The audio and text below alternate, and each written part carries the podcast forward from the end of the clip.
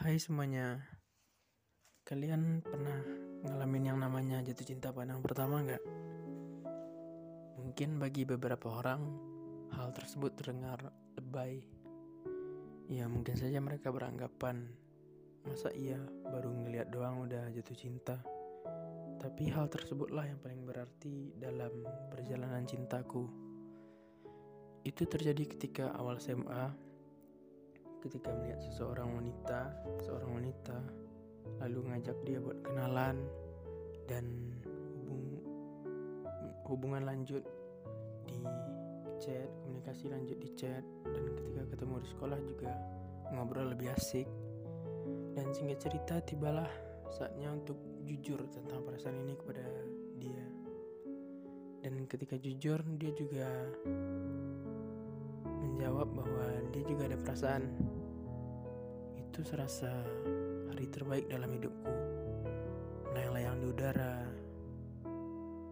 di antara pelangi, seperti itu kalau dibayangkan. Dan akhirnya aku ngajak dia buat pacaran. Tapi dia menolak. Kaget sih yang awalnya dia bilang sayang, cinta. Tapi dia tolak buat pacaran.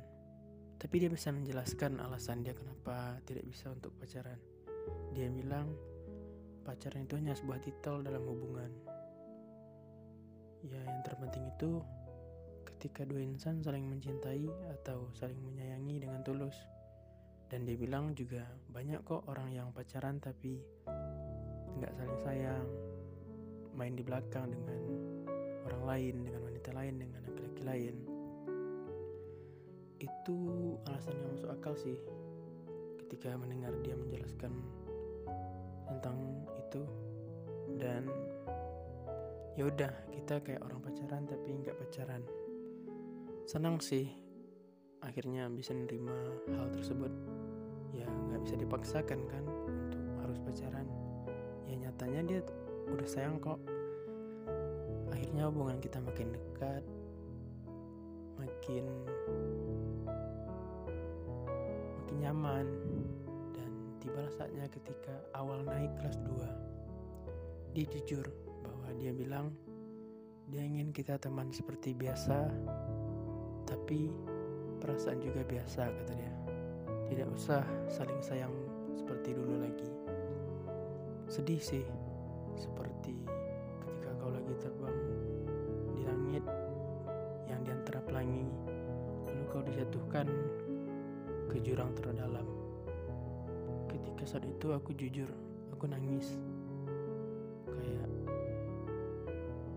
ya selama ini kita nyaman aman-aman aja, kok jadi gini? Akhirnya aku bisa nerima hal tersebut. Dia bilang lebih baik kita fokus dulu buat pendidikan, masa depan. Mungkin karena masih sayang, jadi aku nerima aja. Yang nggak bisa juga buat benci orang yang udah disayang kan? Akhirnya kita buat janji bahwa di masa depan kalau kita udah sukses udah menggapai apa yang kita harapkan apa yang kita inginkan kita kembali lagi ya. Dengan perasaan yang sama tapi dengan hubungan yang berbeda yang lebih serius Semoga hubungan ini kembali terjadi lagi di masa depan. Dan aku juga berjanji seperti itu. Dan akhirnya kejadian itu menjadi sebuah batu loncatan untuk lebih giat belajar, lebih rajin belajar, lebih fokus untuk masa depan, tidak memikirkan untuk hmm, pacaran dengan orang lain atau ngejar wanita lain, nggak pernah kepikiran. Berharap terus buat yang kami harapkan ini kejadian di masa depan. Dan yang paling terpenting nama dia selalu aku sebut dalam doaku. Semoga yang kita berdua harapkan beneran kejadian di masa depan dan semoga hubungan kita jadi lebih serius di depannya.